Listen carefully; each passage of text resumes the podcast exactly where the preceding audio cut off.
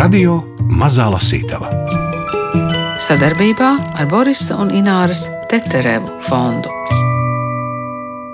Kārtējās virsotnes sasniegšanai kalnos kāpšanā ir pavisam neliela nozīme. Būtiskākais ir spēt atkal un atkal atgriezties lejup, nezaudējot vēlmi no jauna doties augšup. Kristaps Liepiņš. Tev labi pazīstams, ja? Kristaps, jā. Es ar Kristapu teitu, esmu kopā strādājis. Mūsu tēvi bija draugi. Bet Edgars Liepiņš nekāpa kalnos, cik es zinu. Nē. Šoreiz ar Edgara Liepiņa dēlu Kristapu Liepiņu mēs runājam nevis par teātri, bet gan par kalniem, jo viņš un viņa sieva Kristīna ļoti nopietni kāpj kalnos, kopā un divatā. Kopā viņi arī radījuši grāmatu Pamirs manas sirds mīlestībā. To šodien studijā lasīs Gunārs Aboliņš, savukārt ar Kristīnu un Kristapu Liepiņiem mēs tiekamies kādā pavasarīgā dienā tepat Vecrīgā. Es kāpu kalnos jau no 12 gadu vecuma. No 82. gada, un es vēl nebiju piedzimusi. nu, un, un tad satikāties kalnos vai tomēr līdzenumā? Satikāmies līdzenumā. Satikāmies mēs zem kalnciem tilta, sprīgojot virvi kalnu grupas virju kursā. Nu, tomēr saistībā ar kalniem.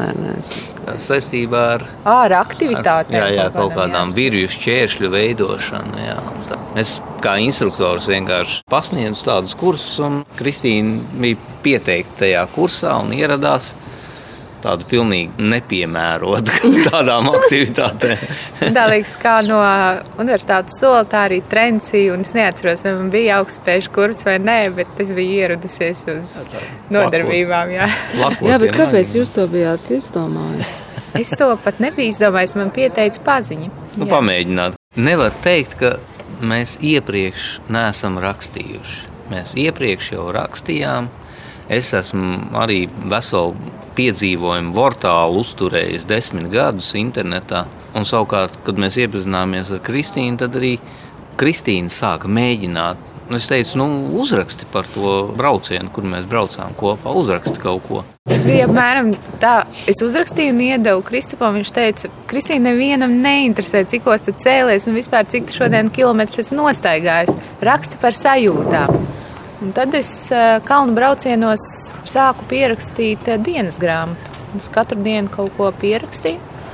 Katrā braucienā ir savs blociņš, un mums šo blociņu ir sakrājušies ļoti daudz. Tāda milzīga kaste. Un parasti, atbraucot mājās, pāršķirstot tos, tos blociņus, man ļoti labi nāk tās emocijas atpakaļ izlasot. Kā kuru dienu tas ir atkarīgs arī no cik nogurdinoša diena, jo ir ļoti grūti sevi piespiest uzrakstīt, ka tu esi tik ļoti noguris un ka tev vienīgais, ko gribās iegāzties teltī, pierakstīt vēl kaut ko, kā tu tagad jūties. Un varbūt tāpēc arī tās emocijas kaut kādā ziņā ir tik spilgtas, ka tu visbiežāk jūties slikti un tev vēl ir kaut kas jāraksta. Mēs, kad izlēmām, kad ir kaut kas jāuzraksta, tad es pāršķirstīju blociņus un nonācu pie pamira. Kalnu pieredzes stāstā liepiņa ikdienišķas detaļas un virsotņu grūtības apvieno ar emocijām, romantiku, pārdomām un arī bailēm. Vēlāk Kristaps teiks, ka tad, kad ir bailes, ir jābaidās. Pamirs manas sirds mīlestībā autori Kristīna un Kristaps Liepiņi lasa Gundars Āboliņš. Vakarā ilgi nevaru aizmigt. Guļu zem nometnē atrastas vecas, vatētas segas, kas ir tik smaga, ka zem tās ir sarežģīti apgriezties un dažkārt pat elpot. Guļam maisā ir pārāk karsti, toties vates sega nemaz nesilda. Nemierīga nakts. Pulksten 6.30 ceļamies, jau nu pat uzlēkusī saule jau karsē telti tā, ka grūti pagulēt. Kamēr rosos un pakojos, Timurs pie savas telts risina sarunas ar dažiem kāpējiem par to, cik viņi ir gatavi maksāt par mantu uznešanu uz pirmo augšējo nometni. Timura taksa ir 4 ASV dolāri par kilogramu, vai vismaz 45 dolāri par dienu. Cena netiek nolaista un kaulēšanās nenotiek. Izmantojot saulēkta laiku un skaisto kalnu debesu dzidrumu, Kristaps pirms rokastīm ir devies fotografēt apkārtni. Mazliet sabožos, jo neesam līdz galam vienojušies, ko pakot un nest uz augšējo nometni un ko vēl ne. Tāpēc esmu samulsusi. Laiks iet, skaidrības nav, bet viņš jau kādu brīdi ir kaut kur pazudis. Pēc brokastīm ejam pie nometnes svarīgākā vīra, noliktavas pārziņa. Viņš izsniedz mums pārtiku un to rūpīgi iegrāmato. Pārzinis dzīvo nometnes vienīgajā no gāzbetona blokiem celtajā ēkā.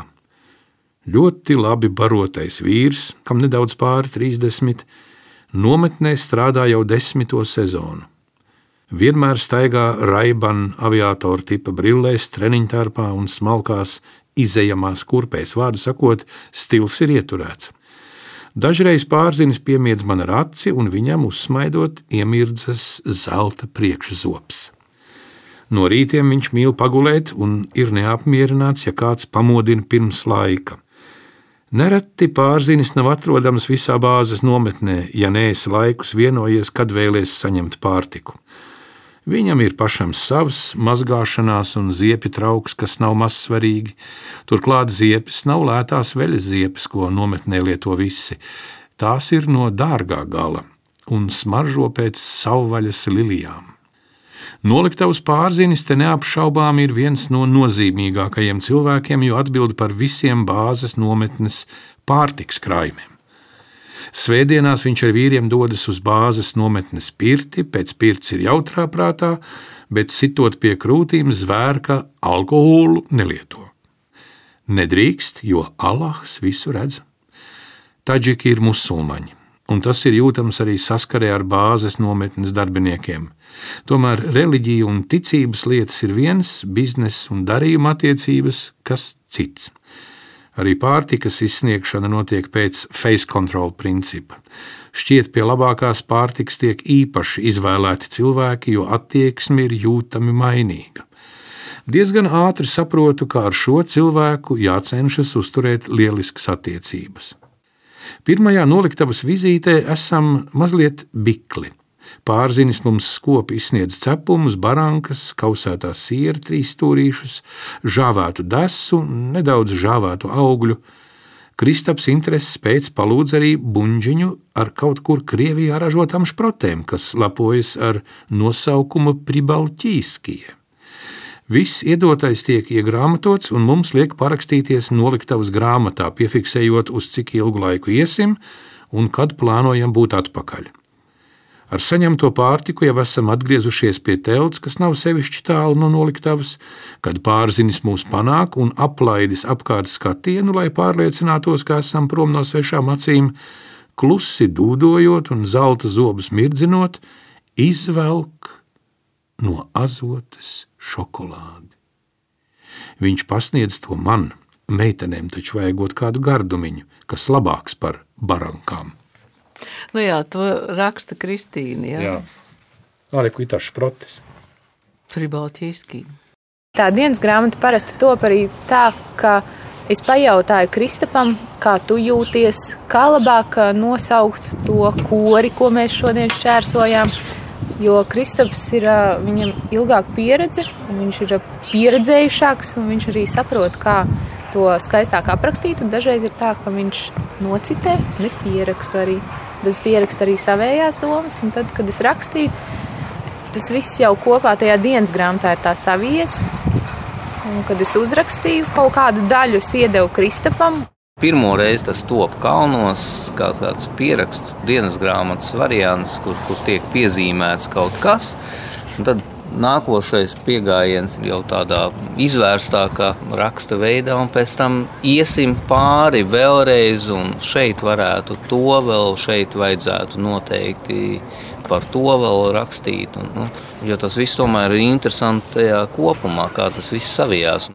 Es tieši vēlējos, lai šī grāmata nav tikai kalnu mīļiem, bet arī cilvēkiem, kam varbūt interesē, kā ir tur Un vienkāršiem cilvēkiem, tāda pati kā es biju pirms desmit gadiem, kas varētu izlasīt un kam varētu būt interesanti tie cilvēki, kas no, ir bāzes nometnē, ko galu galā mēs ēdam, kādas mums ir emocijas pirms kāpieniem, kādas emocijas pēc kāpieniem.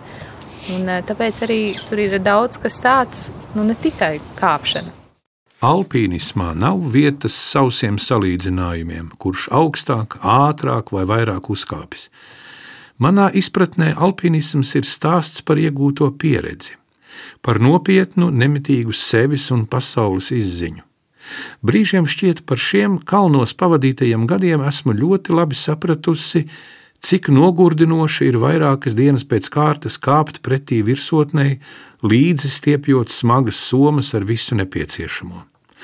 Esmu uz savas ādas izjutusi, cik nežēlīgi augstas un garas mēdz būt naktis teltī, cik nērta var būt gulēšana, salstot, grozoties no viena sāna uz otru, mostoties no murgiem, krampjiem kājās vai smacējoša elpas trūkuma, un cik nomācoša ir neziņa par to, kad un vai vispār izdosies sasniegt virsotni.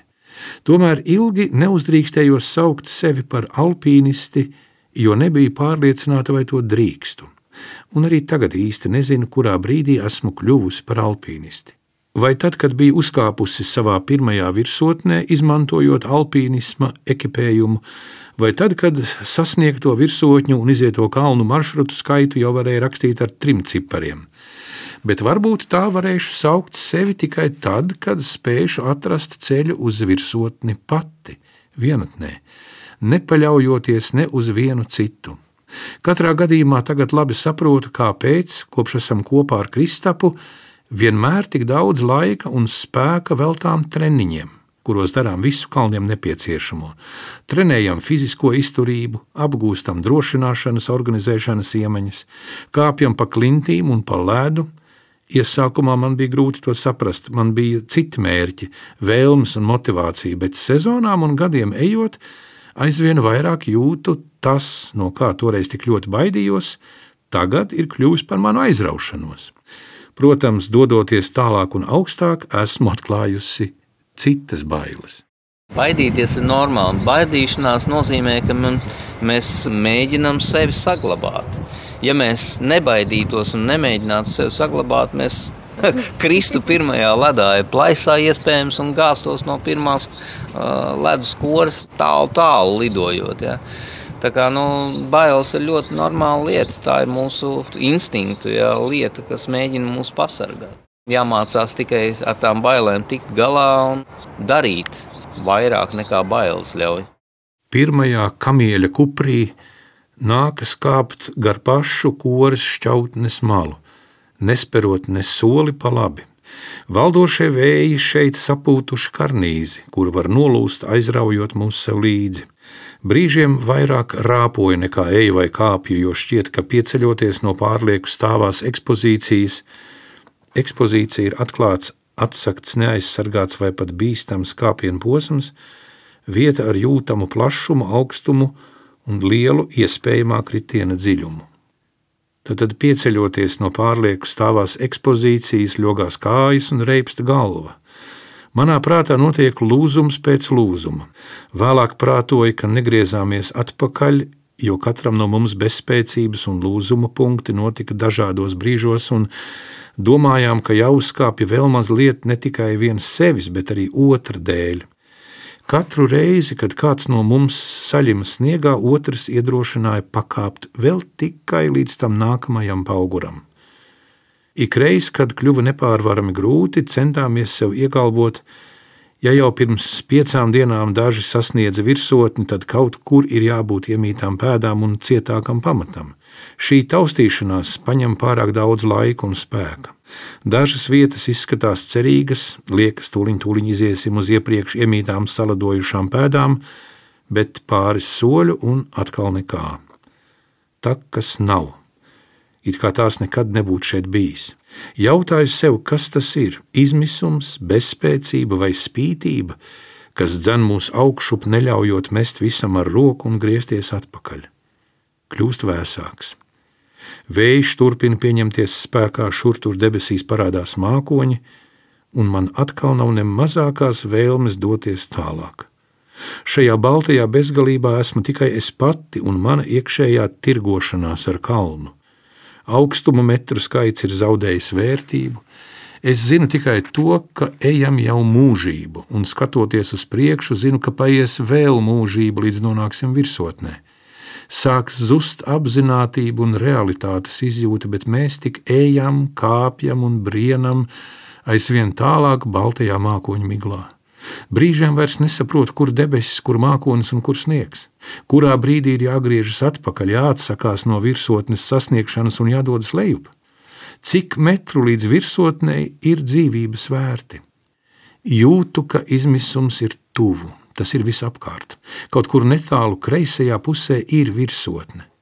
Ik kilograms, kas nests no nometnes uz nometni, ik pēda, kas mīta ledāja sniegā, tik daudz jau ir paveikts. Īsu brīdi pabūt kalnu virsotnē, kurā nav nekā, tikai klints, sniegs, augstums un vējš, vai tas ir tā vērts? taču nav gluži tā, ka tur nekā nav. Tajā brīdī, kad uzkāp virsotnē, tur esi tu pats. Tas ir būtiskākais, ko te vari atklāt un iepazīt. Es domāju, ka mums kāpt kopā nav grūti, bet uh, dažreiz ir kaut kādā ziņā atbildīgi, jo tas ir tuvākais cilvēks, ar ko mēs kāpjam kopā, izkāpjam. Vienmēr Es varbūt domāju, vēl pat Kristofam vairāk viņam jādomā ne tikai par sevi, bet arī kaut kādā ziņā par mani. Tādā ziņā tas ir grūti, ka tā atbildība patiešām ļoti liela. Un, un arī īsti nav jau nu, teiksim, lielākā grupā kāpjot, vienmēr ir nu, tā, tas papildus kaut kāda rezerve, ka, nu, ja nu kaut kas, tad, tad būs blakus, ja kāds cilvēks, un tad mēs kopā varam jau kaut ko risināt, kaut kādu problēmu situāciju, bet divi tā kāpt vispār alpinismā ir nu, ļoti, nu, tā skaitās vēl papildus izaicinājums, vēl visiem izaicinājumiem klāt, ja, jo, nu, grupā, nu, tur var gan tos spēkus sadalīt, gan taku brienot, gan kaut kādus posmus, ejot to atbildību dalīt. Ja, un, un, Nu, tad uh, divi tā ejot, nav jau nekādu vairs citu variantu. Ja? Vai nu tu vai viņš, ja? un, un ja kādu kaut kas notiek, ja? nu, tad nav, nav arī īsti neviena cita apkārt, uz ko paļauties. Protams, ka šajā ekspedīcijā jau ir cilvēki diezgan daudz apkārt kaut kur. Bet nu, arī tā komunikācija, nu, tur arī grāmatā ir aprakstīts, ja, tie gadījumi, kad kaut kas notiek, nu, arī nemaz nav tā, ka baigi visi varētu reaģēt. Ja, un, un, tas viss būtu tik vienkārši. Mēs esam kāpuši arī ļoti daudz kur citur, un, un, un patiešām esam bijuši nu, kaut kur dažos kalnu rajonos. Pilnīgi divi tā, ka nu, nu, turpat. Nu, tuvākie cilvēki tuvākie... 90 km attālumā un glābšanas dienas jā, nav. Glābšanas dienas nav vispār. Mēs pagājušā gada vēl pašā sākumā bijām Argentīnā, piemēram, divu tā pusotru mēnesi. Uzkāpām sešās dažādās virsotnēs. Un arī tur tas tāds augsts virsotnes līdz 6700 metriem, un tās dažas virsotnes pilnīgā nekurienē ir, ja, kur mēs nedēļu esam divatā un nav vispār neviena cilvēka nekādā tūmā un, un nekādu sakaru. Nu, nav tā, ka tu, tev pat būtu telefons, pa kuru iespējams būtu piezvanīt kādam. Un pat ja būtu līdz satelīta telefons, caur kuru it kā var piezvanīt no jebkuras pasaules vietas, nu, nav jau jēga zvanīt, jo tu, tur nav glābšanas dienas, nav Argentīnā. Jā. Šī grāmata bija tāds labs iesākums sākt stāstīt par to varbūt moderno alpinismu, kuru mēs pārstāvam. Pēc brīža Kristaps parādās un smaidot tur rokās ceturdaļu liela arbūza. Izrādās, man šodien ir vārda diena. Ko gan vairāk meitenei vajag galvenos? Esmu tik laimīga par šo pārsteigumu.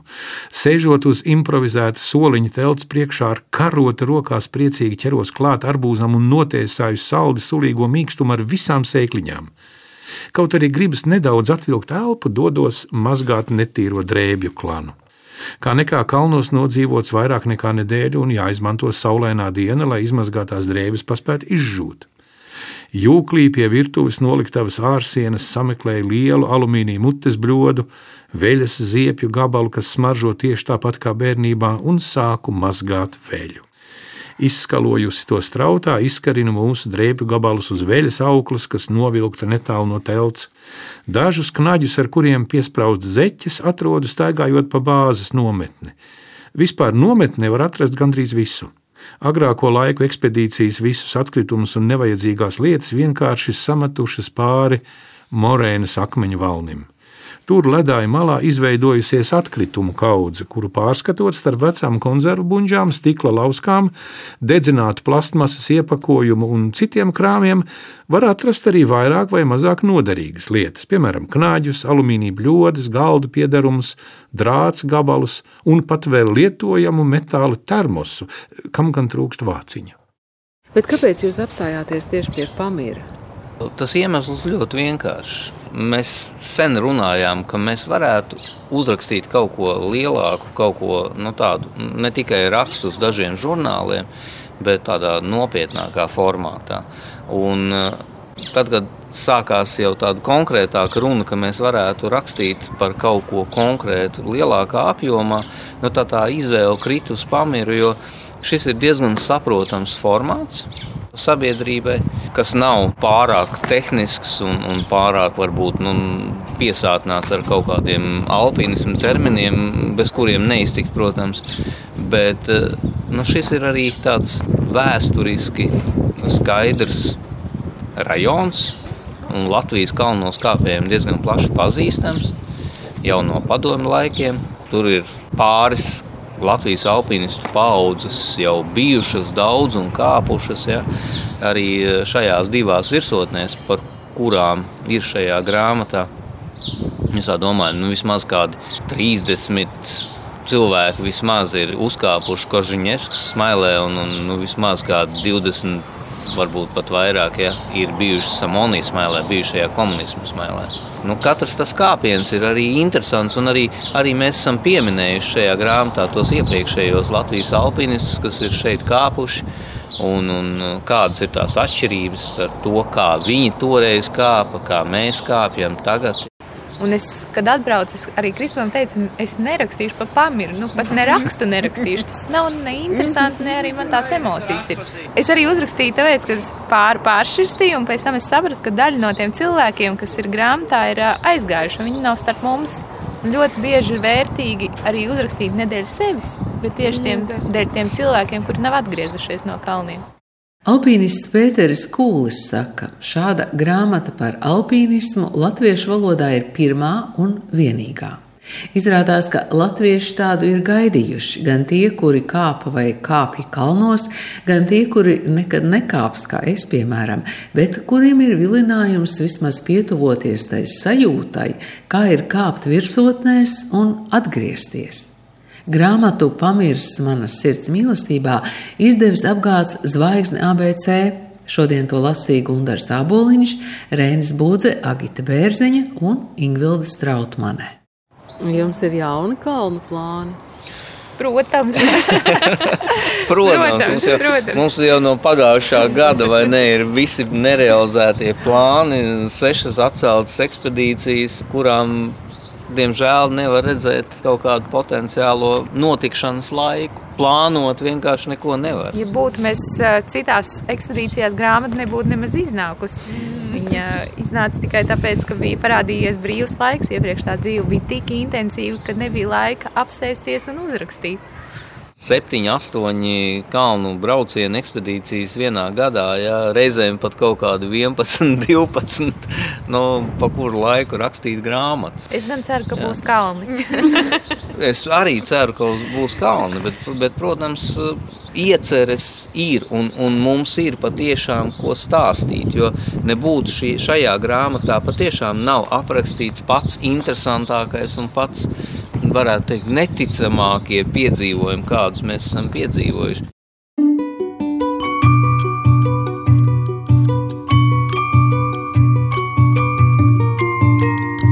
Radio Mazā Lasītava sadarbībā ar Borisa un Ināras Teterevu fondu.